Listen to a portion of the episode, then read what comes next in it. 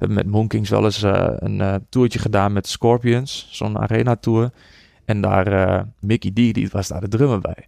En daar, van Motorhead, weet je wel. Dus daar heb ik, heb ik heel veel mee. En dat was wel even zo'n ding van, oké, nou, ik ga er even heen. En uiteindelijk gewoon een super chille kerel en gewoon biertjes meegedronken. En ja, gewoon heel relaxed.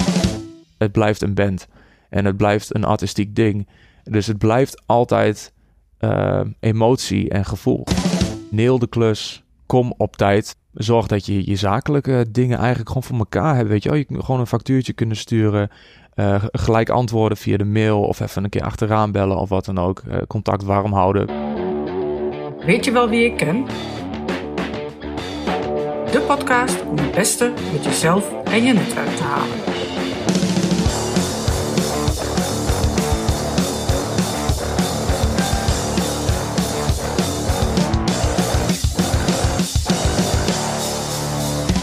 Voordat we het gesprek met Maat beginnen, wil ik heel even invoegen dat we deze episode voor de coronapandemie hebben opgenomen, dus in februari 2020. Ik zeg dit daarom omdat Maat als muzikant zijnde, net als ik, en wij zitten samen in een band, door de coronapandemie behoorlijk zijn geraakt en dit uiteraard wel een onderwerp zou zijn geweest in deze gesprekken.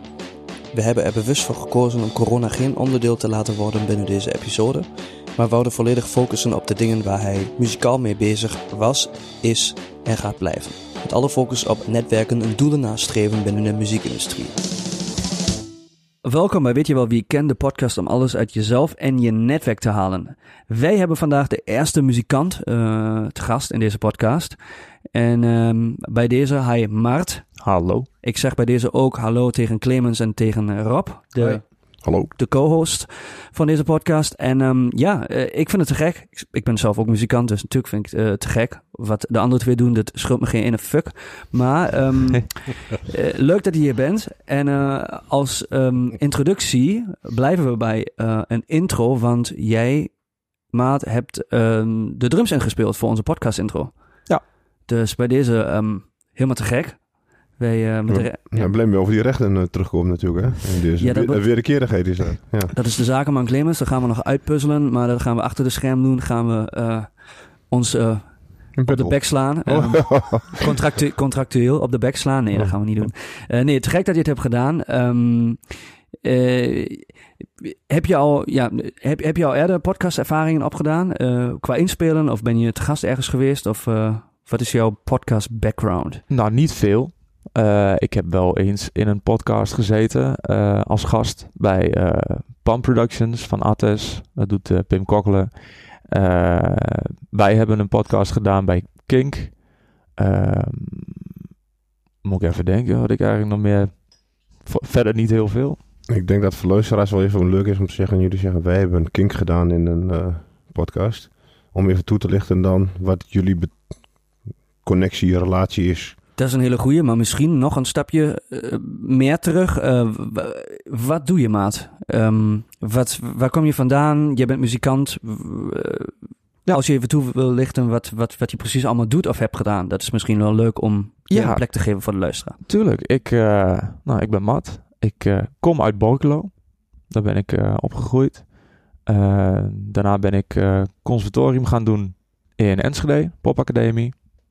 Um, ik ben drummer. Uh, ik speel bij Ten Times a Million, samen met jou. Uh, ik, heb bij, of ik zit bij Monkings, uh, wat nu even op een laag pitje staat, maar... Ehm, voor, voor mensen die Moonkings niet kennen, wat, het is gewoon de band van Adrian Vandenberg. Ja, ja precies. In Vandenburg was in de jaren tachtig, toen wij jonger waren, Rob. Was toch een van de meest aansprekende rockgitaristen van, uh, misschien wel van uh, dat moment. Toch? Voor Nederlandse begrippen, zeker. Ja, ja. ja, ja, ja. wereldberoemd, uh, absoluut. Dus daar, daar toffe dingen mee gedaan. En ja, nu vooral bezig met, met 10,000 Million als drummer. En daarnaast ook studioklussen, invaldingen, sessieklussen. Een beetje van alles om van muziek maken rond te komen, eigenlijk. Kun je er goed van rondkomen? Um, Zonder bedragen te noemen. Maar die gaan we je ook niet vertellen. nou, ik, ik kan er wel van leven. Ja. ja. Na, naar wens? Of kan Nou, het altijd ja, meer? het, ja, kan altijd meer. Kan altijd meer. Ja, het is niet dat ik eh, eh, binnenloop of zo met dingen, maar nee, ik kan de huur betalen en, eh, en het eten en eh autootje en dat soort dingen. Dus eh, Tevreden dus. ja, dat aantal uren dat je erin in mee bezig bent ten opzichte van dat is eind van het jaar of begin van de maand. Ja, dat is een aantal uren. Ja, ik, het is veel. Ja. Ja, ook met je eigen band en, en alle dingen daaromheen. Eh ja, je steekt er wel heel veel tijd in. En je hebt er ook heel veel tijd ingestoken. Hè? Ook de, de, de studie en het voorbereiden en alles. Dus het daadwerkelijke spelen of zo, dat, dat is nog niet eens per se het ding. Het is meer alles ook daaromheen. Maar eh, ja, goed, het hoort erbij. Hè? Het is eh, geen eh, kantoorbaan of zo. Dus het is wel... eh, ja, het is wat het is. En knaagt dat een beetje als je de aantal uren gaat omrekenen wat je te besteden hebt? Of knaagt dat nog niet? Nee, nee, dat vind ik. nee, dat vind ik eigenlijk geen probleem. Het is. ik weet dat het erbij hoort en ik denk er ook niet zo over na. Ik denk ook niet van, oh, nou moet ik zoveel uur dit gaan doen en dan dat doen. En ik denk gewoon, dit moet gebeuren en ik zie wel hoe lang het duurt. Dus meer de kunstenaar dan de Ja. Ja. dan ondernemer of dan de boekhouder. Ja, wat dat betreft wel. Ja, als ik iets moet voorbereiden, kan het heel snel gaan. Ja. Dat ik met een half uurtje klaar ben. Of het duurt een hele dag, dan moet ik dingen uitschrijven of dingen. En dat hoort er gewoon bij. En uiteindelijk weegt het wel een beetje tegen elkaar op. Maar ja, Ik denk, ik denk dat het ook soms moeilijk te berekenen is. Jij doet muziek heel lang. Jij, jij, Ja. jij gaat voor sommige dingen wat, wat... Als je dingen moet voorbereiden, wat minder tijd eh, nodig hebben... Dan, dan iemand die gewoon twee jaar geleden is gebeurd. Maar ja, hoe moet je dat berekenen? Ja. Dus, eh, dat is een interessante vraag. Hè? Ja, dat kunnen klokuren zijn. Als je zelfstandig aftrekt voor de belasting zou willen hebben, is een eh, van de pijlers is natuurlijk de, het urencriterium. Daar gaan we daar niet over beginnen. Maar moet je wel 1225 uur effectief bezig zijn. En in de muziek, stel dat je één optreden per jaar hebt en je staat op, eh, nou ja, noem eens wat, uh, Pinkpop of zo. Ik, eh, ik bedenk me wat te plaatsen. En dan moet je jaar voor repeteren. Denk ik niet dat belasting zegt dat je zelfstandig ondernemer bent. Dus het, waar begint het wel enige? Dus ik kan me voorstellen dat je dan zegt, als je dat deelt op elkaar. En we hebben klanten en je zegt, nou, dit is je netto winst. En je hebt dit zoveel uur gemaakt. En je werkt voor een eurotje of drie, vier. Dan hebben ze het, het plezier er vrij snel vanaf. Maar goed, vanuit even deze vraag. Kunstenaar eh, enzovoort. Muziek is natuurlijk kunst. Of kunst is muziek. Dat is dan daaraan toe. Maar goed, vandaar even deze andere interpretatie erop. Maar goed, Ja. ik, eh, ik loop jou voor de voeten, Alex. Dus eh, ga door. Ehm, wa- wat nog misschien heel interessant is om te noemen, wat je nog niet zo lang hebt, omdat, maar ik weet dat je het hebt, omdat wij daar repeteren, is gewoon een eigen studio. Ja. En dat heb je eh, ja, over de laatste, ik weet niet hoeveel, oh, wat zou het nou, drie jaar of zo, denk ik. ja, opgebouwd. Ja. Dus ehm, dat Ja. is natuurlijk ook nog wel, wel, wel, wel meer, zou ik zeggen, dan de gemiddelde muzikant doet. Zeg maar, ook Ja. kan die daarvan leven. Ja. Maar Ja. vuur, vuur je die ook? Mm, niet zozeer. Nee, ik doe daar eigenlijk voornamelijk eh, zelf dingen. Ik heb hem samen met, eh, met onze geluidsman Joost. Eh, dus wij hebben eigenlijk met z'n tweeën die studio. Ehm, en ik, ja, het is, het is gewoon, ja, het is niet een high-end studio. Het is gewoon een hok waar, waar ik gewoon drums kan opnemen. We kunnen daar repeteren. Ik kan daar dingen inspelen. Eh, voor andere mensen. ehm, ik zou er kunnen lesgeven. Wat op dit moment heb ik daar niet echt tijd voor. Maar dat zou ook kunnen. Dus het is een beetje zo'n multifunctioneel ja, werkhok. Om je relatie rustig te houden natuurlijk. Als je weer gaat drummen, dat in ieder geval de relatie eh, waar je mee samen kunt wonen niet zegt van achteraf, eh, hè? Ja. ik drum je de tent uit. Ja, precies. Maar ik, heb, Ja. ik heb een vraagje, want ik hoor, ik hoor nou eh, muziek, muziek, muziek. En je vindt jezelf muzikant, je bent ook muzikant. En nou heb je er een studio bij eh, als extra. Ehm, je hebt er nog een band naast. En net zeg je mijn eigen band, 10 times a million. Nou, ik ga ervan uit, ik weet niet wat jullie doelstelling is. eh, financieel al helemaal niet. Maar eh, het is jouw, jullie bedoeling om daar straks je geld mee te verdienen. Hoeveel dat dan ook maar wordt. Ja. Ik denk dat dat de insteek is. Zie jij jezelf... Nou, nu denk ik dat ik het antwoord wel weet. Maar zie je jezelf als muzikant of ook als ondernemer? Want als je 10 times a million is uiteindelijk... eh, een band is ook een winkeltje. Ja. Of een onderneming. Zeker. Zie jij jezelf als ondernemer? Of zeg je, ik ben 100% muzikant en... eh, Ja, ik, natuurlijk ben ik 100% muzikant. Maar eh, als je daarvan wil leven, ben je eigenlijk al, vind ik, automatisch ondernemer.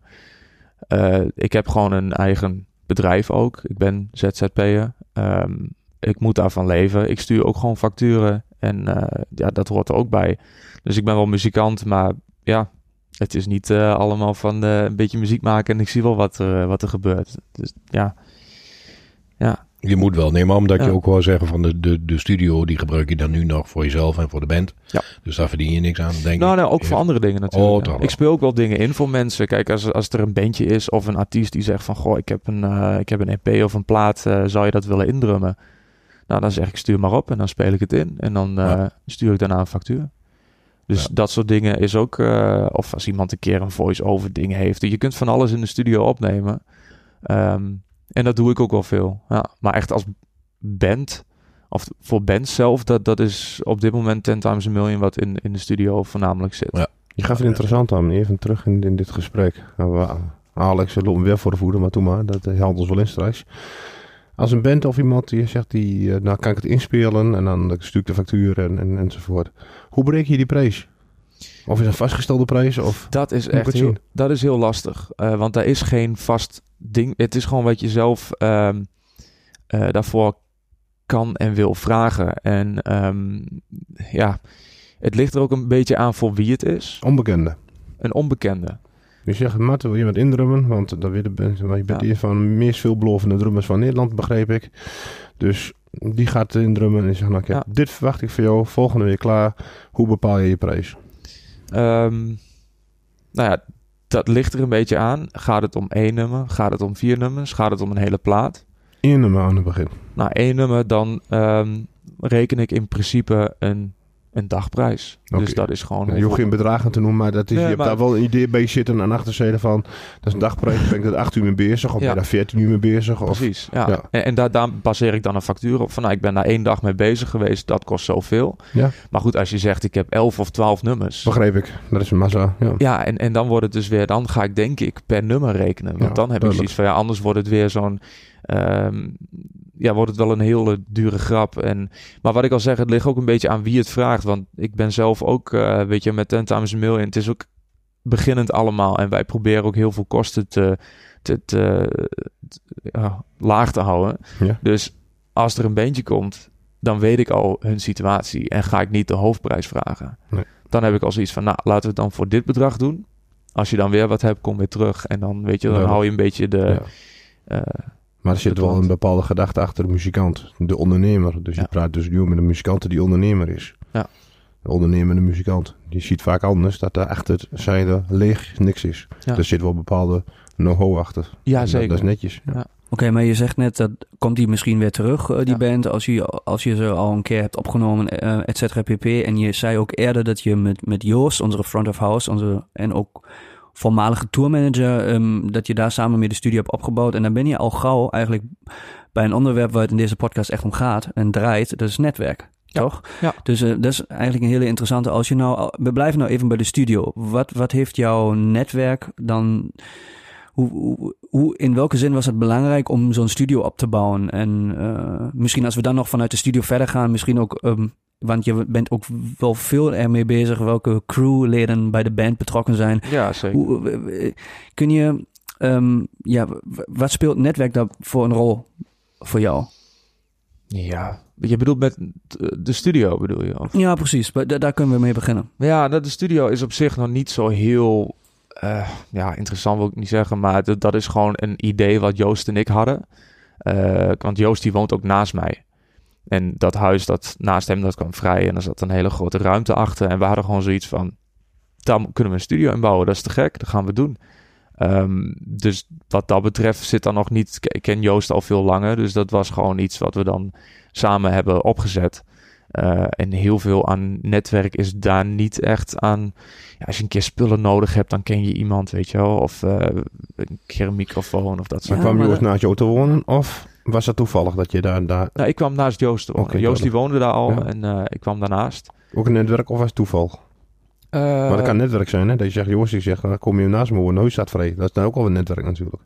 Ja, het is wel, we, we huren van dezelfde eh, man die het heeft Ja. opgekocht. Dus dat, dat is ja. dan ook wel weer... Ik kwam wel bij dat huis via Joost. Juist, Ja. netwerk.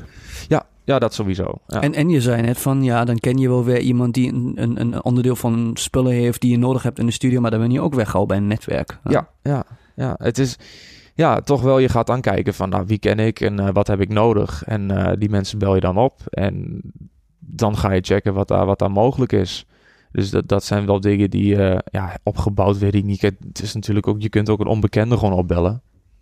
Als je iets nodig hebt, eh, marktplaats of wat dan ook. Maar toch is het wel fijn als je veel eh, technici of zo in je, in je kring hebt die je even kan checken. Eh, maar dat geldt natuurlijk ook voor de band. Weet Maar dan ben, ik, dan ben ik weer terug bij wat ik net ook vroeg. Want ik, ik vind het weer in, de, in dezelfde lijn. Eh, en ja, het is allemaal netwerken en daar hebben we het ook altijd met z'n allen over. Maar ook die studio weer, dan hoor ik jou zeggen van die hebben we met z'n tweetjes opgezet. Dat is een idee wat we al langer hadden en eh is te gek, leuk. Ehm, maar dan weer, doe je dat dan omdat je muzikant bent en omdat je het te gek en leuk vindt? Of zat er nog meer achter en dat je eh, op dat moment al gedacht hebt samen met Joost, we gaan dit doen, want ook daar kunnen we straks een paar cent mee verdienen. En misschien al wel voor die tijd aan een netwerk gedacht van, hey, als wij dit nu neer gaan zetten, dan komt eh, Jantje en Pietje en Henkie ook allemaal bij ons in de studio. Eh, andersom dus. ja. Of is het gewoon ontstaan omdat je het echt gek vond en leuk en we zien dan wel weer. Mm, Ja, ik, ik, ik doe eigenlijk zelf zou ik dat nooit doen. Ik ga niet heel veel investeren en heel veel tijd in iets steken waarvan ik denk, oh, dat is wel lachen. Dat, dat doe ik niet. Dus er, er zit sowieso een gedachte achter van, als ik dat heb, dan kan ik dit en dit doen. Ik kan Mhm. dat doen. Je hebt opties. Je kunt, eh, wat ik al zei, inspelen, lesgeven, whatever. Ja. Maar het is natuurlijk ook wel een jongensdroom van, je hebt een studio achter je huis. Dus het is een beetje een combinatie van, ja, het is te gek. Ik heb het ook echt heel veel zelf gedaan. Het bouwen en Ja, zo. Ik heb ja. een timmerman erbij gehad, maar zelf ook heel veel gedaan. En wat ik al zei, het is geen high-end studio. Dus we hebben die kosten wel een beetje laag proberen te houden van, goh, als het niks wordt, is er nog niet zo heel veel aan de hand. Nee. Maar ik ga niet zomaar even iets, iets neerzetten en dan nadenken van, nou ja, het, het wordt hem niet of zo. Dat, ik probeer daar wel zoveel mogelijk rendement uit te halen. En ik weet ook wel dat dat, dat eh, sowieso een drummer met een eigen studio is gewoon heel fijn. Ja. Want je kunt gewoon heel snel schakelen. Je hoeft niet naar een hele dure wisseloord of wat dan ook om even een, een plaatje of een demootje in te spelen. Dus dat wist ik al wel van tevoren van dat is handig om te hebben. Ja, maar dat is wat ik bedoel. Want dan Ja. hoor ik dus nu wel meer een ondernemer dan alleen maar een muzikant. Oh ja, sowieso. Ja. Je had het net over een jongensdroom. Ehm, dat sluit aan bij een vraag die ik mij heb opgeschreven. Wat is jouw grootste droom als muzikant? Poeh. Mijn grootste droom als muzikant. Ja, dat zal nog wel veranderen en zo. Maar op dit moment is dat eigenlijk gewoon om eh, succes te hebben met, met mijn eigen band. Dus wat wij doen. Ehm, en dat we daarvan kunnen leven. En eh, erkenning krijgen voor, voor de muziek die we maken. En een, en een gezonde fanbase opbouwen. En, en gewoon, weet je wel, dat- dat is eigenlijk wat ik het liefste zou willen op dit moment. En eh, misschien als dat gebeurt, komt er wel weer wat anders. Dat ik denk van, oh, maar dat zou ik nog willen doen. Maar het zal altijd wel eigen muziek zijn. En, en in, in deze formatie is dat is gewoon wat ik het liefste zou doen. En je grootste droom als ondernemer? Nou ja, als ondernemer eigenlijk ook. Kijk, binnen de band heeft iedereen een soort van eigen plekje naast de muziek maken wat ze doen.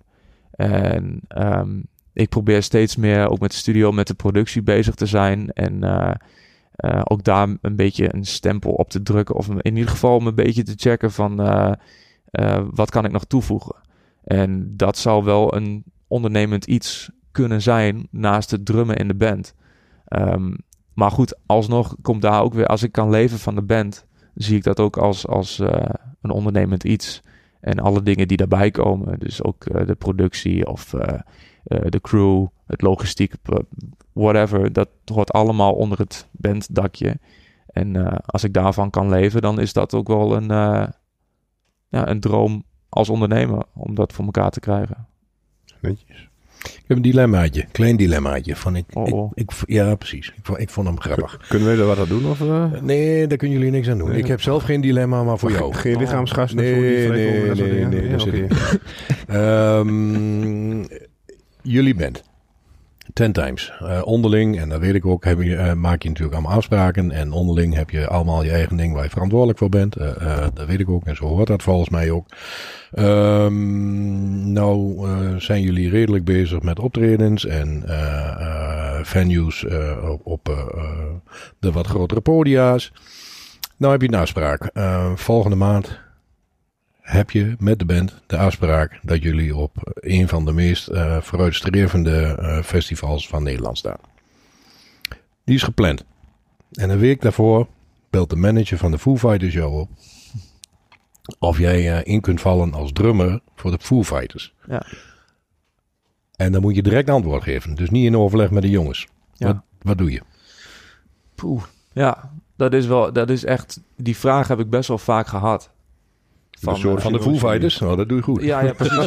Ik, heb altijd nog nee gezegd. ja, ja. ja. Nee, maar die, die vraag heb ik heel vaak gehad. Omdat je dan, weet je wel, je hebt je eigen band en dit en dit. En Dat is een goede hockeyclub. ja. Ja, maar dat is wel, wel lastig, weet je. Want dat is zijn, heel veel mensen denken daar ook zo over. Van ja, je hebt je eigen band, het is allemaal hard werken en, en dit en dit. En wat als er nou dit gebeurt? Ga je dan alles, zet je het dan aan de kant of weet ik... Ik, ik weet het niet. Ik- denk wel, het is heel erg situatiegevoelig van welk festival staan we. Het grootste van Nederland. Het grootste van Nederland. Eh, wat voor spot hebben we? De beste. De beste. Hoofdpodium en eh, je bent de headliner. Ja, nou ja, dan is dat dan het verschil met de Foo Fighters ik niet zo heel groot. Als wij headliner zijn op een heel groot festival, dat doen de Foo Fighters ook. Scherp. En eh, met een beetje geluk staan we op hetzelfde festival en de Foo Fighters een dag daarna. En dan kom ik dan aanschuiven, toch? Ja. Ja, Dan Ja, zit goed. Foo Fighters bij jou in het voorprogramma en dan bleef je zitten achter de drums. ja precies. Het Ja. staat toch al, jongens. Ja, daarom, ja. Hey, Nou, ik ben ook echt muzikaal. Ik kan merken dat ik overal verstand van heb. maar nu is... ja. Verbaasd. Ah, wel mooi. Wel mooi antwoord. Je hebt er wel mooi mee gedraaid. Netjes. Ja, maar daar is geen, geen antwoord. Ik, Nee. zou, ik zou alles, of ik zet heel veel aan de kant voor deze band. Iedereen van ons. En iedereen wil er echt 100% voor gaan. Ja. Dus heel veel dingen worden ook gewoon echt aan de kant gezet. Aanbiedingen of van, eh, wil je Ja. dit doen? Nee, ik heb één vaste band. Ja. En dat is wat we doen. Maar goed, als er dan zo'n sessie-ding voorbij komt of een klus. En het, is, het kan ook de band helpen. Hè? Ja, dat weet ik als- ook als Maar wij- ik zeg ook om die reden bewust de Foo Fighters. Omdat ik weet dat ja, dat... kijk, als wij een klein festival hebben met een, een, een oké slot en de Foo Fighters bellen eh, of ik dat wil doen. Als ik dat doe, is dat ook goed voor 10 times a million. Ja, Want dat die publiciteit, die, dus dan heb je weer die afweging. En dan zouden de jongens ook zeggen van, ja, dat moet je doen. Ja. En je bent knettergekheid niet doet. Ja, daarom. Ja. Als het maar voor de band ook goed is. En weet je, dus dat, dat zijn... Het is niet heel zwart-wit wat dat betreft. Want er zijn overal wat dingen uit te halen of te regelen of te doen. En, Nee, dat snap ik ook. Maar dan had jij dus het antwoord gegeven van ik ga het doen. En jij gaat er dan vanuit dat de jongens dat te gek vinden. eh, nou, ik, eh, ik heb een, eh, een soort regeltje in de band. Je mag nooit ergens van uitgaan. Oké. Maar ik, denk, ik denk dat de jongens dat, mij dat zouden gunnen. En, en wij ook bij de rest, weet je Dat wel. denk ik is ook wel. gewoon echt wel... Ja. Mooi antwoord. Daar gaan we het later nog wel over hebben. Of wil jij dat, jou dat gunnen? Dus, eh, dat, Dat, eh, dat, dat is goed. Ja, dat, eh, ja, dan slaap jij de volgende keer ook gewoon eh, in het tentje in de tuin, eh, Alex. Dus dat is grappig, dat moeten we even toelichten. Hè. Als ik in Nederland ben, ik woon Oh, natuurlijk ja. niet in Nederland. Ik woon in, in Duitsland, in Keulen. Oh, slaap ik altijd bij, eh, bij Maat thuis. En Nicole. Ja. Op zolder. Ja, Ja. ah, ah, soms ook bij jullie tussenin in bed. Maar Ja. Ja. oké. Laat het zakelijk horen. Ga, stap hem volgende keer gewoon in de studio. Vraag er geld voor en het is goed. Zo'n Ja. IBM, zo'n Ja. B&B. Dan heb je meteen weer een... eh, hè? Ja. En het is geluidsdicht. Dus. Ja, ja, dat is nice. Win-win. Nou, we, we hadden het net over de Foo Fighters. Als we nou bij grote namen blijven. Nou ben je nou met, met Adrian Vandenberg eh, wel redelijk eh, onderweg geweest op deze planeet. Ehm, hoe, hoe ervaar je dat netwerkkringetje in, in deze, deze wereld qua... Als je, als je al ergens bent met je band. En eh, het, het is al een bekende merk, het draait. Het is een bedrijf eh, die echt, echt wel geld oplevert.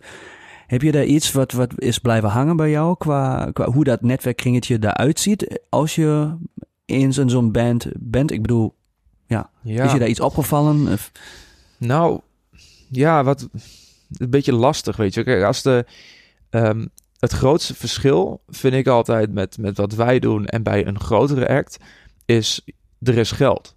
En eh, het toffe is als jij iemand echt gewoon betaalt voor wat hij moet doen, dus een crewlid of een promotor of whatever, dan kun je eisen stellen. Maar die mensen hebben ook vaak wat meer afstand. En wat wij doen, is mensen zijn erbij, maar die zijn heel erg betrokken bij ons. Het zijn vrienden en die willen ook gewoon echt het beste voor de band. En die gaan vaak nog een stapje verder. En zonder dat ze daar iets voor krijgen of weet ik veel wat. Maar dat is zeg maar die, die gunfactor wat je dan hebt. En bij grotere acts vind ik dat een beetje... Dat valt op een gegeven moment weg. Weet je wel, dan heb je een tourmanager en die houdt je een beetje op afstand van dingen. En je krijgt alleen maar door wat, hoe laat je daar moet zijn en wat dit en dit. Maar je bent verder niet heel erg betrokken. En zoals bij de crew ook, weet je wel. Ja, je komt ergens aan. Als er een probleem is, weet ik van niks. Hun moet het maar oplossen. En bij ons zou het zijn van jongens, er is een probleem. Laten we met z'n allen even proberen op te lossen en te kijken. Dus die afstand wordt steeds groter, omdat het, het dat bedrijf of die band wordt ook groter. Um, ik kan nou niet zeggen dat ik dat per se tof vind, want ik, ik wil graag controle hebben over dingen en dingen weten. En um, dat is wel een beetje wat me opvalt. En uh, die mensen, omdat er zoveel afstand is, wordt het ook moeilijker om dat soort mensen te benaderen. Omdat je ze niet zo goed kent. Kijk, als wij met z'n allen ergens heen gaan en we zitten in een busje, dan, dan is het al veel closer, weet je wel. En dan, dan is dat contact ook makkelijker met elkaar. Maar ja, als de, uh, een crew gaat al vooruit en uh, ja, er is een nieuwe lichtman bij. Ja, oké. Nou, en die gaat dan een licht doen. En dan schud je even een keer de hand als die langs komt lopen. Maar verder heb je geen contact met zo iemand. Dus wat dat betreft is het wel moeilijker om, om dan te netwerken. Dan moet het echt vanuit jezelf komen of vanuit diegene. Maar je wordt niet met elkaar zo opgescheept, weet je wel, zoals wij heel vaak hebben. Is het jouw streven bij ons in de band dat je altijd uh, connectie blijft houden met crewleden? Ja, uh, ja 100%. Ja. ja, altijd. En buiten, uh, buiten je de crewleden om uh, andere bands, andere managers van andere bands die op andere festivals rondlopen, ben jij of ga jij daar bewust mee om als zijnde van hey, dat zou wel eens goed kunnen zijn voor mijn netwerk? Zeker. Of ga je altijd gewoon ja. blanco het praatje aan en dan zie je het wel? Nee, ik, ik probeer wel een beetje gericht te kijken wie zijn er en um, wie zou wat kunnen betekenen. Voor mij of voor de band. Ja. Um, maar ja, wat ik al zeg, als het groter wordt, is die afstand ook groter. En is het allemaal niet zo amicaal meer als wat wij met de bands vaak doen. En uh, soms sta je ook gewoon een, een, uur te praten met iemand die helemaal niks voor je kan doen en die het gewoon een leuke show vond. Maar dat is dan ook prima. Ja. Um, maar je probeert wel op een bepaalde manier dat netwerk dan te vergroten en te denken van, nou, ik heb hem in ieder geval even gesproken. Ik heb zijn mail of zijn nummer. Als er een keer wat is, dan kun je hem benaderen en dan heb je daar wat aan. Precies, maar dat doe je dus wel bewust. Ja, zeker. Ja. Maar ja. ja, het zou dom zijn als je ergens langs heen loopt en uh, je denkt van, oeh, dat was die van die en die. Ja, en dan zeg je niks. Dat is gewoon een, een verspeelde uh, Ja, kans dat zou dan. jammer zijn, maar dan moet je, je moet het wel zien. Ja, je moet het zien. En je moet het ook durven, weet je. Het is Ja. ook wel vaak van, uh, of het is een bekende artiest, van nou, dan, dan, daar moet je dan wel op afstappen en uh, even voorstellen. En vaak valt het wel mee, maar ja, ze kunnen ook uh, anders uit de hoek komen. Dat je denkt, oh, oké. Okay. Heb jij daar nog last van? Ben je wel eens starstruck bij iemand of niet? Je daar geen last meer van zelf? Um, nou ja, starstruck heb ik nooit echt gehad. Uh, ik ben daar best wel nuchter in. Maar dat is ook door waar ik vandaan kom met Borklo en zo. Dat is allemaal... ja, je wil gewoon nuchter zijn. En het zijn allemaal mensen ja. en het zijn allemaal gewoon... Ja. Maar ik heb wel eens zoiets van... Oeh, dat is die... Uh, dat, dat vind ik wel even uh, spannend. Maar dat vind ik dan ook mooi, weet je wel. Dan heb ik gewoon echt respect voor zo iemand. En hebben met Moonkings wel eens uh, een uh, toertje gedaan met Scorpions. Zo'n arena tour. Mhm. Mm -hmm. En daar... Uh, nou, Scorpions heb ik eigenlijk niks mee. Maar Mickey D, die was daar de drummer bij. En daar, van Motorhead, weet je wel. Dus daar heb ik, heb ik heel veel mee. En dat was wel even zo'n ding van... Oké, okay, nou, ja. ik ga er ja. even heen.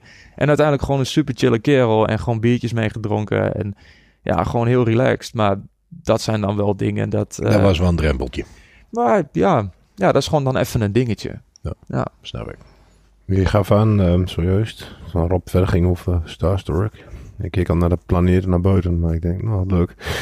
Oh, sorry. Um, die gunfactor beperk je toch ook in uh, waar je wil zijn als, uh, als band? Als je, het, als je het klein, compact en knus wil houden, dan blijf je meer van een goede relatie van, maar zeg, een papa-mama bedrijf. Dat is niet erg als je het wil, maar dat kan, uh, de, de gunfactor kan natuurlijk een beperking zijn als je het allemaal onder controle wil houden en bij de jongens en de dames die jou willen zijn. Uh, ik, als je naar Amerika gaat, denk ik niet dat die hele team meer gaat. En als het wel zo is, zou ze groter moeten worden, want het podium wordt groter, de verantwoordelijkheid wordt groter, het lichtshow wordt groter. Mm -hmm. Hoe, dat is toch een beperking? Denk dan toch in een beperking op dit moment? Uh, op dit moment sowieso niet, want uh, je, je moet het echt hebben van mensen die, die, uh, die met je willen werken en het heel tof vinden en erin geloven. Eh, en als dat dan ook goede gasten zijn, dan, dan heb je daar echt wat aan. Ehm, ik ben zelf ook van mening dat, dat mensen ehm, ook vanuit de crew meegroeien met de band. En als dat zo is, dan kun je dus misschien over twintig jaar zeggen van... hé, hey, onze lichtman die is er al vanaf het begin af aan bij. En dan heb je dus zo'n gunfactor opgebouwd in zo'n relatie... ehm, dat ik denk van dat is juist gunstig. Want dan kun je dingen ook echt goed met elkaar overleggen... en dan wordt het een soort van bandlid. Ehm, in plaats van uh, gewoon iemand die betaald krijgt... en uh, op een gegeven moment denkt van... nou ja, oké, het zal wel en uh, ik ga niet als de band niet kijkt of zo, uh, dan uh, stik er maar in. Ik ga wat anders doen of zo. Maar dan groeit hij niet meer na een x aantal jaren. En hij doet niet wat jullie willen. En uh, de gunfactor is nog steeds. Het is nog steeds een goede gast. Maar dan beperkt, hij, dan beperkt hij jullie toch in jullie groei daardoor. Omdat hij niet capabel is voor na 20 jaar om meer te groeien met de band. Ja, maar... Hij wil wat, is aardige man. Maar hij wil niet. En hij kan niet. Ja. Wat maar jullie dan willen. Is dat, dan is dat de situatie. Ik zeg ook niet dat iemand met, met een gunfactor erbij, er altijd erbij moet blijven als het niet goed is. Nee, ik vind het mooi dat, dat, dat die affiniteit die, je daar, die jullie daarmee hebben, is natuurlijk top. Ja. En dat is heel fijn. En dat is om, aan het begin is dat veilig. Nestwarmte is mooi. Maar de tweede schil enzovoort, als je wilt groeien, zijn dat beperkingen. Omdat je gecommitteerd bent aan die jongen, heeft ons geholpen vanaf het begin bij mooi. Had je hem betaald, is personeelslid geweest. Dan kun je zeggen, je groeit niet meer samen, je voldoet niet aan bepaalde eisen. Dan is het afstand nemen, afstand of zelfs helemaal uh, van ontdoen, is een stuk makkelijker. Dat dan wordt die groei een stuk makkelijker voor jullie. Dus wat je hebt is mooi, maar impliceert dat niet in jouw kert, heel kort. Volgens mij zit daar een, een, een ja, ik snap, wel, ik snap wel wat je bedoelt. Maar in, in jouw situatie uh, zeg je eigenlijk van hij blijft erbij. En uh, dan moet je maar mee dealen. Dat zeg jij. Oké, okay, want dat is een beetje wat ik begreep van... Nee, want kijk, als je voelt... Kijk, jij, jij zegt, nou, is zeg... bijvoorbeeld nu lichtman. Die blijft 20 jaar erbij. Die kan meer groeien, hartstikke mooi. Goed. Dan heb je het meest perfecte personeel wat er is. Want dan heb je de gunfactor en je hebt je meer, meer vriend dan werknemer. Ja. Dat, dat, is al een latent probleem daar, daartussen. Hoe, hoe blijf je vriendelijk tegen personeel en, hoe blijf, en wanneer is het de vriend en wanneer blijft het personeel? Zeker in kleine, in kleine settings. Maar dan ga jij een stap verder en zegt nog, die, die man groeit niet meer. Die heeft een gezin, die heeft alles gezegd, die gunt jullie alles vanaf het begin erbij. Heeft een gezin, heeft alleen maar één inkomen. En dan zou jij moeten zeggen, jij groeit niet meer de band meer wat wij willen. Ja. Dan heb je wel een conflict. Ja. een conflict in de zaak als een conflict met, met jezelf. En ik weet niet wat erger is. Ja, dat, dat weet ik ook niet. Het enige wat ik weet is van als het niet goed is, dan is het niet goed. En dan moeten we daar een oplossing voor verzinnen. En ik ben ook wel van mening, ik snap het wel, als je het heel zakelijk houdt, kun je iemand ontslaan. Als je een hele hechte relatie hebt, heb je wel meer de kans dat diegene jou snapt, omdat hij jou zo goed kent. Dus dan ga ik ga liever het gesprek aan op die manier met, met een goede vriend. Want die kent mij en die weet van: oké, ik weet dat jij dit moeilijk vindt. Ik snap jou. Um, laten we kijken naar een oplossing. Um, want als het dan zakelijk is, ja, dan kun je zeggen, nou, het is niet goed, AU. Maar dan weet je niet wat er aan de andere kant gaat gebeuren. Want dan ga je dus weer, dan heb je weer netwerk. En dan weet je niet wat diegene dus gaat zeggen tegen die en tegen die. En als je diegene belt of je belt een andere, stel je voor het is een lichtman. En die gaat bij alle lichtmannen in Nederland zeggen van, ah, die jongens van 10 Times Million zijn eikels. Die hebben me zomaar aan de kant gezet en uh, ik had er verder ook niet echt een band mee, maar uh, ik zou het niet doen. Dus als wij dan weer gaan bellen naar een andere, dan kun je dus uh, dat gerucht of hoe dat dan ook gaat, kun je dan weer terugkrijgen. Dus ik ben altijd wel van mening dat je daar gewoon een goed, eerlijk, open gesprek over moet hebben.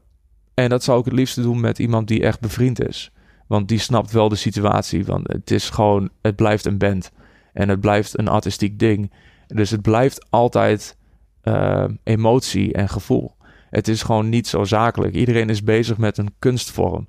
Dus ook al ben je gewoon ingehuurd, het blijft altijd lastig als je iemand ontslaat door, weet je wel, een, een artistiek ding. Ja, ja, ik ben het met je eens. Daarom gaan de bepaalde bloedgroepen niet samen. Maar ja. goed, dat is. Het is uh, ik ben het denk ik niet met je eens. Want ik heel kort op teruggekomen voordat je in gaat grijpen aan Alex. Ik zie jou zitten.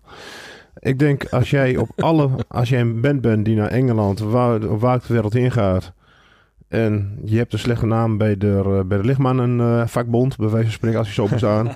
dan dat ze graag in de race staan om meer te gaan. Dan is karakter, dan gaat men voor roem en glorie. En dan is het karakter minder van belang. En daardoor we weer terug op onze podcast. Wat is respect, wat is vertrouwen, wat is loyaliteit? Want ja.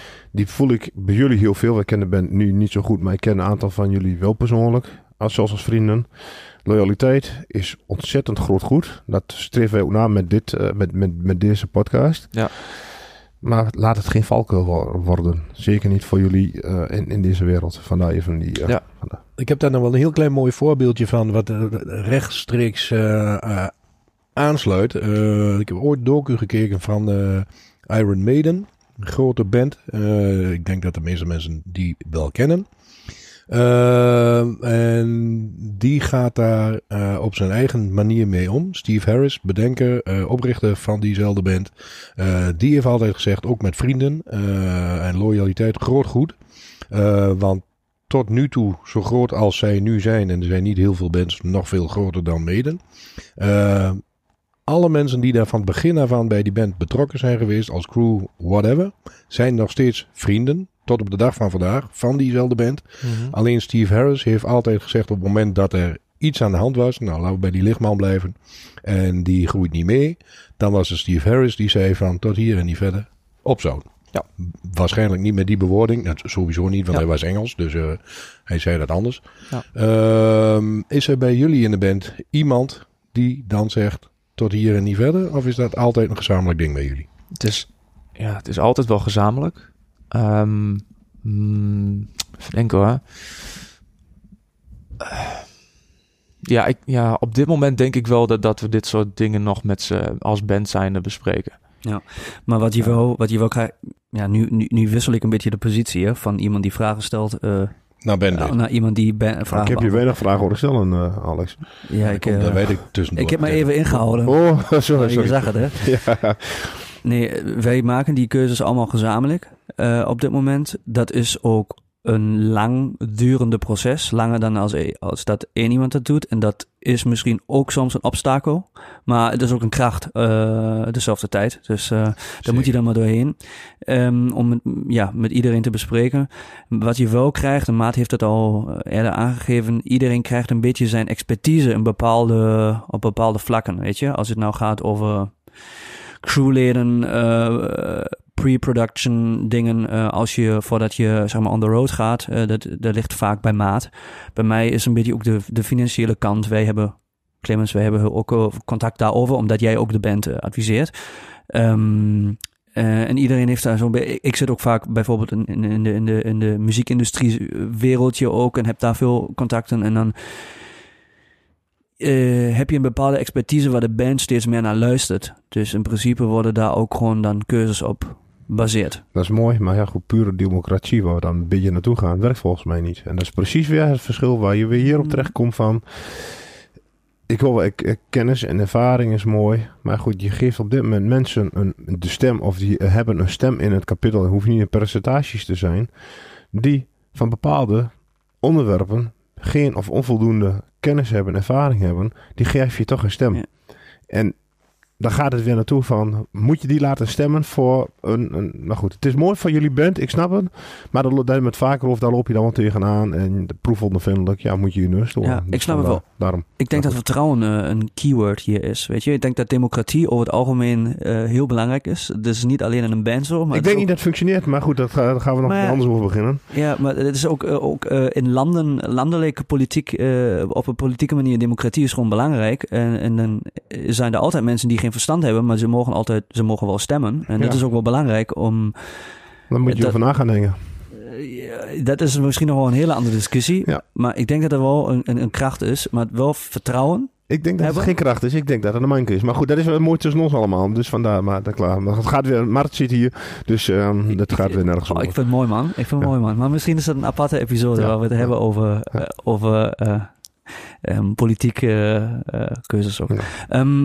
Maar dat, dat, dat ik is heb het, dan wel een aanvullende vraag over politiek. Dat is wel leuk. Of, Mhm. Kijk, ik vind kunstenaars, muziek is kunst. En die, die, die, die generaliseer ik in hockey natuurlijk. Is- Jaren geleden, 80, 90, hadden we een, een, een- vanuit de overheid een subsidieregeling voor beeldende kunstenaars enzovoort. Je leeft het schilder en doe ik het heel gechargeerd, heel kort door de bocht. Je levert je werkje af en je kunt leven van de staat. Dat heeft er nog steeds mee te maken dat in Nederland, ja, je kijkt me vragen aan eh, Alex, maar dat, dat gemeentehuizen in het verleden nog de kleuzen vol liggen met werk, wat eh, van dubbeltje waard was tot wat, tot wat meer, tot meerdere dubbeltjes. En zo'n regeling is er niet voor, of niet, dat bij mij bekend, voor eh, voor, eh, voor, voor muzikanten, laat ik dat zo even, eh, even uitdrukken. Men heeft erover om die regeling in een nieuwe regeling, eh, in een nieuwe regeling voor kunstenaars, maar dan beeldenkunstenaars, terug te, terug te krijgen in een andere vorm. Is dat geen onrecht voor muzikanten? Om te zeggen van, die, ze worden dus eigenlijk gesubsidieerd, nogmaals, te, gechargeerd. Kunstenaars leveren een werkje af, krijgen geld om te leven. En muzikanten, die krijgen niks en die moeten maar het hoofd boven water zien te houden. Mhm. Dat, dat geeft toch wel een scheef beeld. Inderdaad. Ja. In- Inderdaad. ehm, ja, dus dat... dat ehm, maar is dat nou een vraag of is dat Nee, een nee, nee, statement? nee, nee, nee, dat is stap 1. Stap 2 komt, dan zou je dat niet moeten, constatering, zou je dat niet moeten zeggen in deze. Als er geen werk, als jij als kunstenaar, wat je dan ook bent, na 4, 5 jaar niet je hoofd boven water kunt houden met, met je leven, moet je daar geen ander vak gaan kiezen. Het is gevaarlijk, ik weet het. Ik heb hier wat kunstenaars die me zitten, dus ik, het is even een, een ponering van een stelling. Maar jullie zijn allemaal afgestudeerd op het hoogste niveau. Dat weten de luisteraars niet, maar de muzikanten wel. Daar heb je echt academisch niveau te pakken. Fantastisch, goed. Maar stel dat er geen markt voor is, moet je dan niet laten omscholen? Of moet je dan de hand blijven of wat anders gaan doen? Ik weet het niet hoor. Het is even... eh Eh, dat, is een, dat is een goede vraag en het is ook een, een, een, een, een, ook een lastige vraag. Eh, ehm, kijk, wij, wij als band zijn allemaal, allemaal rond om de 30 nu. Weet je? We zijn geen begin 20. En we knokken er al vrij lang voor. Eh, en deze band onder deze naam wel iets korter, zeg maar. Die bestaat eigenlijk officieel vanaf 2018. Maar wij zijn sinds twe- 2012 echt naast de studie ook. Na, na de studie begonnen. Ja. Echt op tour gegaan. Zeg maar in ons eentje. Dat is ook heel belangrijk om te noemen. Gewoon DIY en het heeft niks met school te maken. De band is ontstaan na de schoolperiode. Ja. Ehm, maar ja, je, je, je, je bent wel constant aan het evalueren van... eh, zit daar groei in? Eh, en en, en eh, dat, dat, voor mij in ieder geval, als ik van mij mag spreken, Maat, je mag dat zo even aanvullen ook. Als, voor mij moet er wel groei in zitten. Zeg maar dat je kunt zien als je uitzoomt van de, steeds een stijgende lijn. Dus die, die, de, de, de tracks worden beter, het wordt steeds meer opgepikt. Ehm, je komt in streaminglijstjes terecht. Ehm, dus daar is, ook is die return on invest, voel je die nog niet op je eigen persoonlijke ban- bankrekening. Maar voel je wel een soort van andere, eh, op, op andere vlakken een return on invest. Dus mensen die naar shows komen, dus ehm, eh, verkoop van merchandise. ehm, dus dat, dat je steeds ziet dat daar groei in zit. En dan is het voor mij ook geen kwestie om te zeggen van, ik stop ermee. Maar stel voor, daar zit geen groei meer in. ehm, dan, dan moet je wel gewoon met, met elkaar in gesprek gaan. Eh, en niet alleen maar met elkaar als band, maar ook met, met het label en met management. Allemaal mensen die er zijn, bij zijn betrokken. Ehm, maar dat hoef je niet pas vanaf het punt waar, je, waar het slecht gaat, maar dat moet je nu ook al. Eh, en daar zijn we dan ook al alweer, ook waar we net zijn geweest met democratie en al. eh, Ja. Je moet altijd in gesprek gaan. En, dat hebben we nu ook. We hebben ook gewoon onderwerpen waar we, waar we niet blij mee zijn. Of, of vlakken waar we denken van hier moet echt meer gebeuren. En eh, dan moet je het gesprek eh, gaan zoeken. Ik denk, Maat en ik en de rest van de band ook, wij denken gewoon als brand.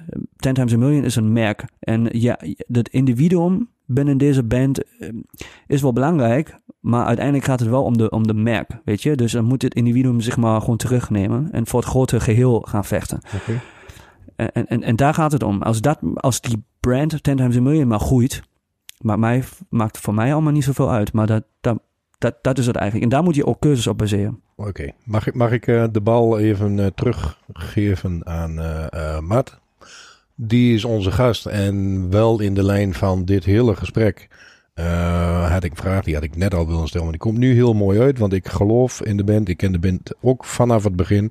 Ken jullie Ja. eh, eh, eigenlijk allemaal goed. En ik, ik ben er zelf heel erg van overtuigd, al heel lang, dat jullie het ook gewoon gaan maken. Dus daar ben ik zelf eigenlijk helemaal niet bang voor. Ik kan me voorstellen dat jullie daar wel eens bang voor zijn. Dat het misschien niet gaat lukken. Nou, daar heb ik niet. Maar goed, ik zit ook niet in die band, dus maakt voor mij ook niet uit eh, of het wel of niet lukt. Maar voor jullie wel. als groepie of zo. Voor- hè? Of Misschien als groepie of zo. Ja, ik ben wel groepie, Ja. maar daar zo'n verder niet over. Oh, Oké. Nee. Maar ik, het, er hangt voor mij niets van af. En ik geloof er wel in. Maar ik kan me voorstellen dat jullie eh, zeker wel momenten hebben dat je denkt van nou, zou het dan nu wel een keer mooi zijn als het lukt. En om dan bij jou te blijven, plan B. Want stel in het allerergste geval dat het niet lukt. Eh, blijf jij de rest van je leven muziek maken? Of heb jij nog een ander plan B dat je zegt van nou dit vind ik ook helemaal te gek? Of heb je daar nog nooit over nagedacht? Ik heb er wel eens over nagedacht, maar op dit moment heb ik geen plan B. Ik ben ook heel erg een voorstander van ehm, jezelf een beetje afhankelijk maken van wat je wil gaan doen. Dus als ik zeg ik ben muzikant, dat is wat ik wil doen, dan maak ik mezelf ook afhankelijk van dat ding. Dus als het niet goed loopt, dan moet ik mezelf ook echt een trap onder de reet geven van er moet nu wat gebeuren. Ik moet, of het zijn eh, klussen of met de band of wat dan ook. Maar zolang dat ik afhankelijk ben van iets, dan werk ik daar ook naar mijn idee gewoon harder en meer voor. Mhm. Uh, dus ik heb geen, op dit moment geen plan B. Uh, want ik wil gewoon dat dit gaat werken. Ja. En ja, in mijn hoofd werkt dat zo. Ik, ik spreek echt puur voor mezelf, maar in mijn hoofd heb ik dat ja, gewoon. De vraag van, is ook aan jou. Ja, dus dat, dat is echt hoe ik, hoe ik daarover denk. Is van ik maak me afhankelijk van, van muziek. En eigenlijk ook van de band. Um, dus ik, ik, ik kom wel rond van dingen. Maar um, ik um, maak geen commitment naar iets anders. Omdat ik wil dat het met deze band gaat lukken. En zolang dat in mijn hoofd zit, heb ik het idee dat ik ook gewoon heel makkelijk andere dingen kan afslaan, aan de kant kan zetten. Omdat ik gewoon heel graag dit wil doen. En er ook van overtuigd ben dat het kan. Heb je dan een tijd uh, voor jezelf? Periode? Kun je daar een periode aan koppelen? Het moet lukken met de band? Nee, niet per se een periode. Een beetje wat Alex zegt, er moet altijd groei zijn. Um, er moet altijd iets gebeuren of uh, weet je wel, je moet resultaten hebben. En zolang dat er is, um, is, dat al, is dat voor mij genoeg om, om het door te kunnen zetten. Ja, respect hoor. Ik vind dat jullie er heel netjes in staan. Maar ik, ik ga natuurlijk maar... niet, niet uh, uh, vijf jaar lang een beetje af en toe een paar showtjes doen en er gebeurt niks. Want dan, dan zeg ik op een gegeven moment van, joh, dat kan niet. Weet je, maar goed, dan... dat kan een groei zijn, maar een paar showtjes of vijf jaar. Kan, weer, kan ook weer bij jouw beleving die snap ik, dat hoor ik. Maar bij een ander bandlid kan wel zeggen, als ik vijf jaar heb en er blijft groeien zitten en dan gaan van één shows naar twee shows in een maand, naar drie shows in een, enzovoort, blijf je ook groeien zonder misschien van kunnen leven. Dat kan ook wel een beleving zijn. Maar even, ja, maar dat groepsproces, dat intrigeert me gigantisch ja, bij jullie. Dat, dat, heb je wel in de gaten. Ja. Dat is precies waar we net ook over hadden. Dingen uitspreken en met elkaar overleggen. En ik weet gewoon dat we allemaal hetzelfde daarover denken. Dus okay. ja, ik, goed, ik ja. weet ook ja, van niemand van ons gaat uh, vijf jaar lang een paar showtjes met die band doen en het is allemaal oké okay en vindt het prima. Dat heeft niemand van. Omdat we dat hebben besproken met z'n allen van oké, okay, uh, hoe staat iedereen erin? Hoe gaan we dit aanpakken? En uh, ja, dat is bij ons allemaal hetzelfde. Omdat we dat altijd met elkaar overleggen. En, en weet je wel, iedereen moet ook gewoon oké zijn met wat we doen. Want het is hard werken en uh, en weinig verdienen. En weinig verdienen. Dus je, je moet dat ook echt met elkaar gewoon. Dan moet je niet uh, voor lief nemen of zo. Het is echt wel heel bijzonder wat we hebben. Dat we dit met z'n vijven zo doen en nog steeds doen. Um, en er allemaal zo vol voor gaan. Dat is iets wat je gewoon. Dat als dat niet lukt, dan gebeurt het ook niet weer. Nee, duidelijk. Nee. Mm, hier moet ik Sorry. even op uh, inhaken. Je, je, wij zijn er steeds meer. Ik bedoel, wij zitten ook in een leerproces. en we zijn steeds meer bezig ook met het um, definiëren van benchmarks, meldpalen, ja. zo te zeggen. Dus um, dat je het wat een, een duidelijke beeld kan geven van, kijk, wat je zegt klopt namelijk, als je van twee shows naar drie shows gaat en van drie naar vier en dat over een tijdsbestek van vijf jaar eh, per maand, shows dan, eh, dan is dat um, misschien iets te weinig of zo. Weet je, je wil gewoon toeren gaan doen, dus je wil eigenlijk het liefst uh, 100 keer, 150 keer per jaar spelen. Uh, en daar hoef je dan niet, daar hoef je voor mij niet tien jaar over te doen. Dan sla je de plank mis. Uh, dus dan zeg maar tijd en wat je wil bereiken moet je wel proberen duidelijk te krijgen. En daar zijn we nu wel zeg maar, op pad om dit ook voor ons wat duidelijker te maken. Ook hoeveel followers ga je genereren over de aankomende, weet ik veel, zes maanden. Uh, hoeveel Spotify en Deezer streams wil je hebben. Daar zijn we wel mee bezig om dat wat duidelijker te krijgen. Want anders, anders, te uh, kwantificeren dus. Ja, precies. Ik denk dat dat wel belangrijk is. Ja. ja. Nou goed, dat is wel een antwoord op de vraag. Ja. En dat, dat want, want anders uh, hoor ik jou dan nu zeggen. En jij bent er helemaal niet mee bezig, want het gaat gewoon lukken, uh, omdat het in jouw hoofd ook al gelukt is. En je geeft jezelf die druk. Uh, maar dat wat anders is de band als band daarmee bezig. Want anders, als het niet lukt. Is die vraag wel eens gesteld in de band? Als het niet lukt? Ja, want anders, wat gaan we dan doen? D dan houdt de band op.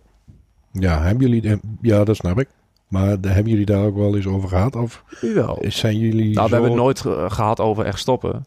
Dat, dat Nee, nee, nee, zo bedoel ik ook. Nee, nee, maar in worst case scenario, eh, het gaat niet lukken en we komen al onze eigen benchmarks, eh, eh, ha- halen we niet. En stel dat je nu de tijd af hebt gesproken, over vijf jaar staan we daar en toeren we de hele wereld rond, want dat, dat wou je graag en mensen kunnen genieten van jullie muziek en over vijf jaar is dat niet zo.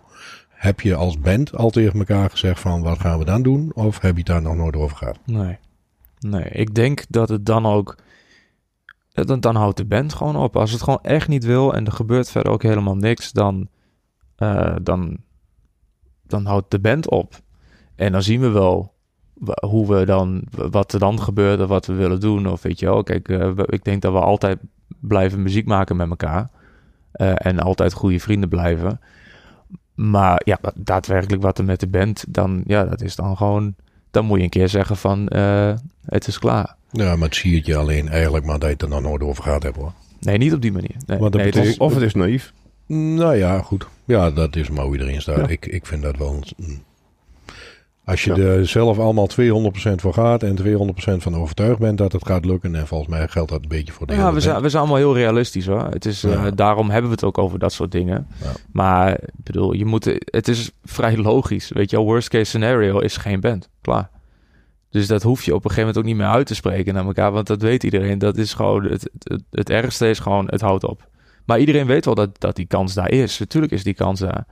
Maar ja, de, de, vind ik ook niet echt het, het onderwerp waard om het heel lang over te hebben. Want dat is gewoon wat het is. Het is veel interessanter om het over de voortgang te hebben. En als er iets niet goed gaat, wat kun je eraan doen? Dat is veel. eh, Ja, daar ben ik het helemaal mee eens hoor. Ik bedoel, ik heb een eigen zaak en ik ben er nooit mee bezig van wat nu als het niet meer goed gaat. ja. Maar Dus- toch weet je het wel. Maar je worst ja. case scenario is gewoon, nou, nou, top. Dus dit was meer interesse als je, Ja. om te kijken, want ik, ik, ik doe het met eh, in dit geval mijn echtgenote. En er zijn mensen die een zaak eh, helemaal alleen hebben, dus dan Ja. eh, heb je eh, niemand verantwoording af te leggen. Vandaar ook de vraag, want ik ben er zelf ook niet mee bezig. En ik denk zelfs dat het heel slecht is als je er alleen maar mee bezig bent. Ja. Maar rond je dertigste was je er ook niet mee bezig. Want er zijn toen leeftijdsverschil tussen, tussen ons.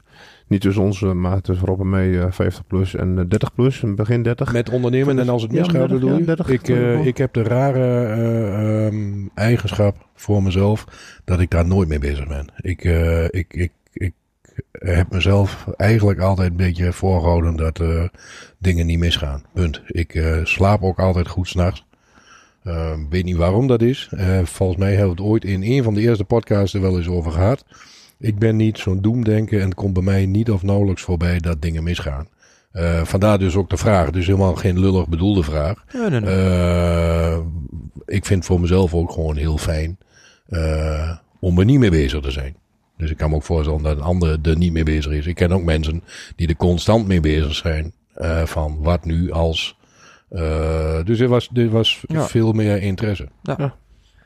Alright. Nu zijn we weer terug op een, op een, op een, een, eh, positieve uitkijk. Weg, weggetje. Mhm. En ik loop ook even weer terug aan de andere kant van de tafel. eh, in de positie van iemand die vragen stelt. En niet, me, niet eh, vervelend ertussenin lult. Ah, je bent niet verveeld hoor. Eh, maar ja, dat is gewoon een Duitse eigenschap, weet je. Dan moet je gewoon soms eh, gewoon de ruimte geven. Anders komt het niet goed. Wou ik Ehm, je nog zeggen, je moet Duitsers de ruimte geven. Is dat nou de is niet goed. interpretatie? Ja, dat is niet goed. Ja, dat is een wens. dat, is mis, dat dit mis is gegaan, dat eh, hebben we al gezien. Ja, Dus, dat snapt excuus ook- bij dat deze. snapt ook iedereen. Excuus.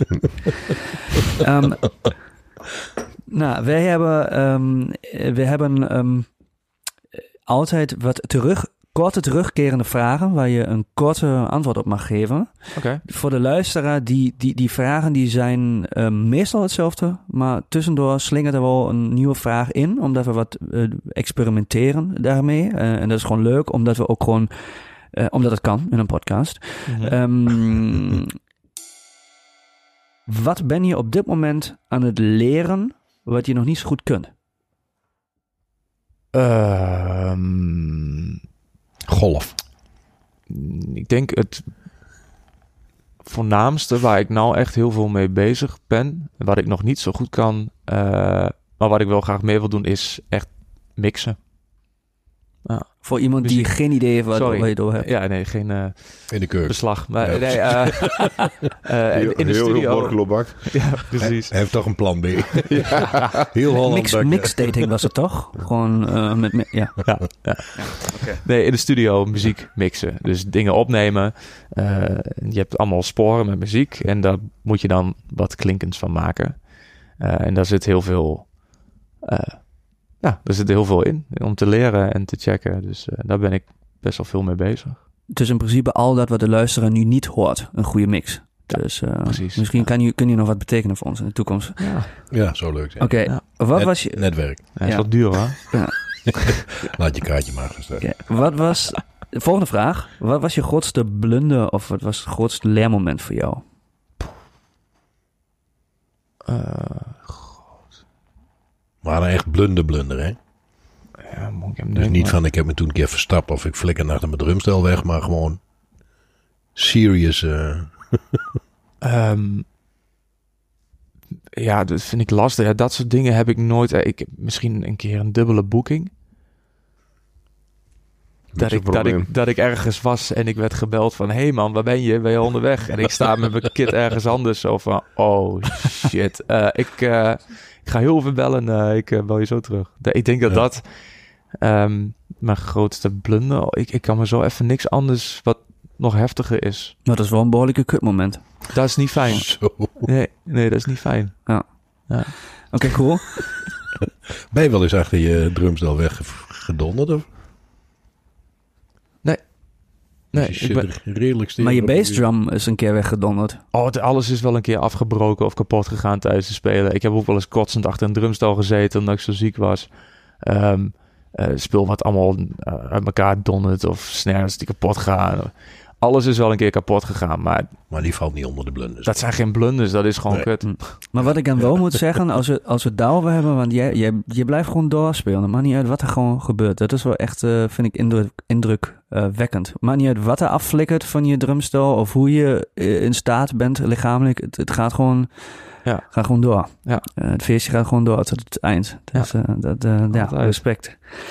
Ehm, we- ja, we- normaal hebben we de vraag: wat voor een boekje zou je ons aanbevelen? Maar jouw kennende vind ik het mooier om te vragen welke documentaire zou je ons aanbevelen? Die, eh, Waarom Die boekjes? Zit die in een andere hoek of zo die we niet mogen weten? Die, dat soort boekjes? Of Ja, Nou, die hij leest. Die... hij, ja, hij leest alleen maar pornoboeken. Oh, Dus- Ja, ja, gewoon echt van die verhalen, weet je wel. Dat is hartstikke... Ja. Ja. Zonder plaatjes Ja. ook. Ja, ja, ja. Zo. Oh, Ja. mooi lettertype. Oeh. Maar dan, dan, moet, zeg maar dan moet ik zeg maar als podcast-expert even met die explicit eh, shit en zo, dan moet ik even zeggen, hier gaan we niet op door. Dus eh, welke documentaire zou je ons aanbevelen? Die je hebt gekeken waar je denkt van, dit is echt lijpe shit of Ik- lijpste ooit. Ik kan, ik kan beide wel doen, hè. Ehm, En dan eh, doe er dan drie, want dan wil ik ook je beste album. Oké.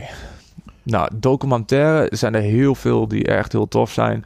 Sowieso Back and Forth is omdat het Full Fighters is en ik vind dat gewoon mega interessant. Dus die eh, zou ik sowieso aanbevelen.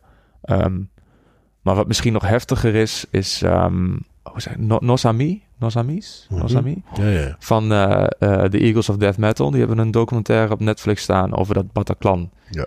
En die vond ik zo heftig. Die, die kwam echt binnen. Die, die, als je dat ziet, ook hoe hun daarmee omgaan. En, en hoe de vrienden daarbij steunen. En hoe de muzikanten daarmee.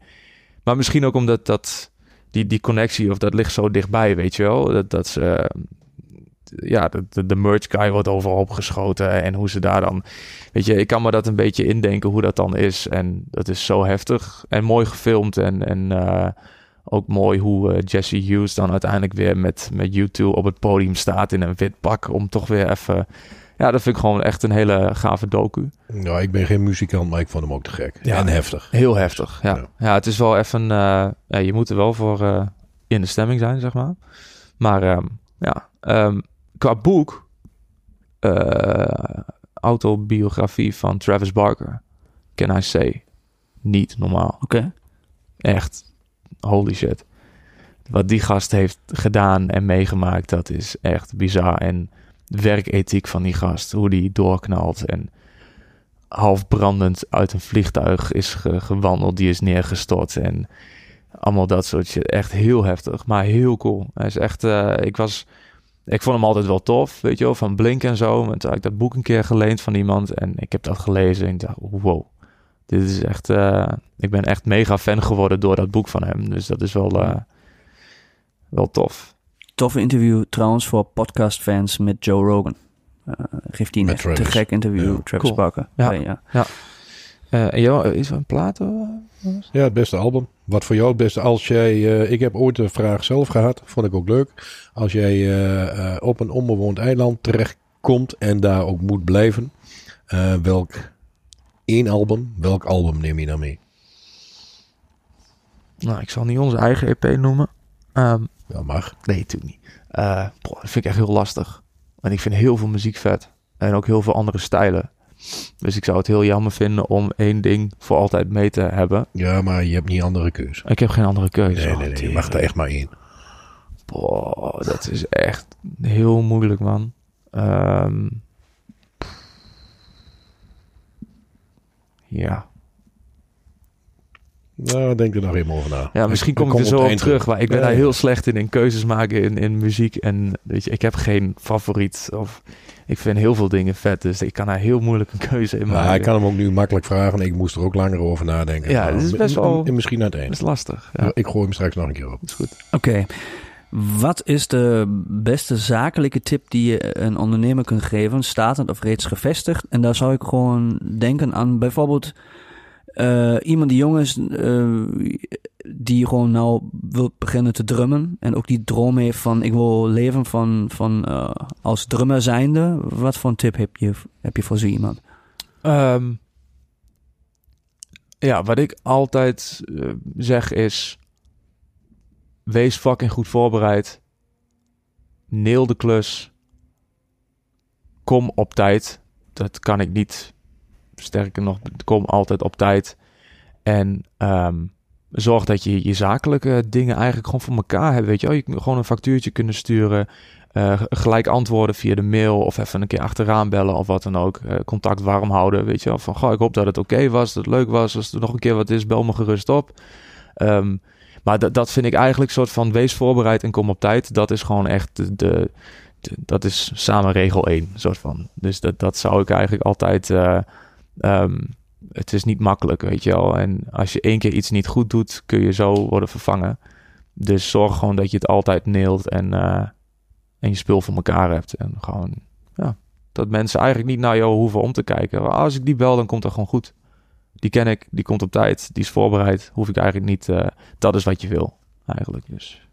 Gouden tip, zou ik zeggen. Eh, laatste vraag. En als je dit album nog, als het nog opkomt in jou, dan eh, drop het maar gewoon. Ja. Eh, en zo niet, is ook goed. Ehm, als je voor één dag eh, in Amsterdam, op de Dam, eh, een zinnetje op een billboard kunt plaatsen. Eén zinnetje. Welke zin zou dat zijn?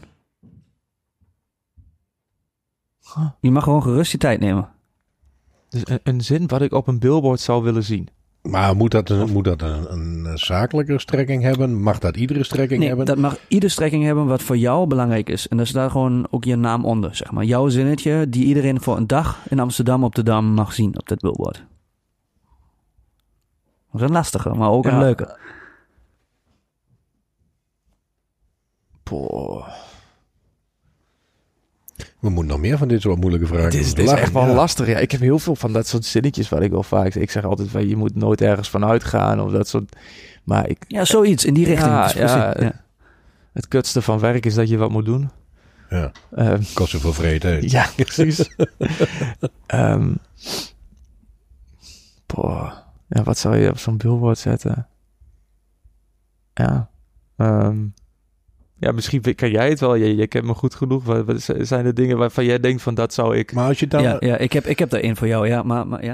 Ja, ik maak hem iets makkelijker voor jou, denk ik, hoop ik. Eh, iets kleiner ook, want dan hou het wel zakelijk. Want eh, de podcast is een klein beetje zakelijk hier en daar en netwerk gerelateerd. Nou, is dat zinnetje wat op dat billboard komt, ehm, moet jullie band ten goede komen. Wat zet je er dan op?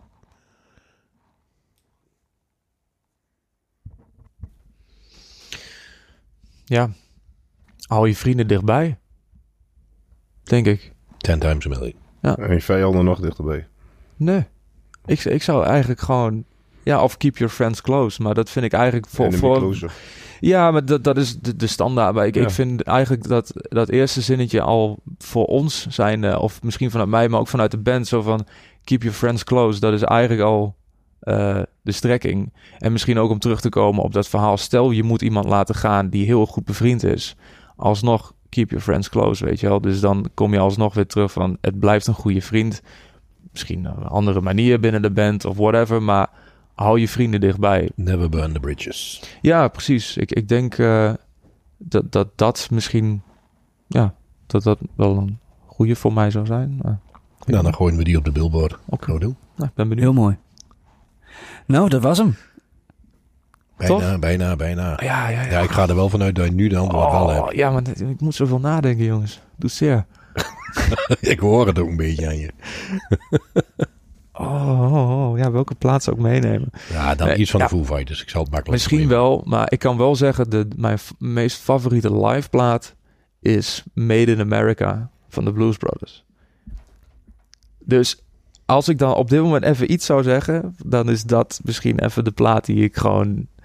Ja, die ik dan mee zou nemen. Dat vind ik, dat vind ik dan een goed antwoord. Mooi man. En we eindigen deze podcast met die zin die ik voor jou had eh, neergezet op dat billboardje. Ehm, overal wat te voor staat is niet goed, behalve tevreden. En tevreden gaan we dus uit deze podcast. En eh, ik zeg dank dat je de tijd hebt genomen om met Tuurlijk. ons eh, te, bubbelen, te babbelen. Te bubbelen. Te bubbelen, misschien te bubbelen gaan we zonne. Ah, dat, dat doen we eronder. We zitten in de jacuzzi nu. Ja, precies. Eh, dus ja, aju paraplu. Dankjewel, jongens. Doei. Dankjewel.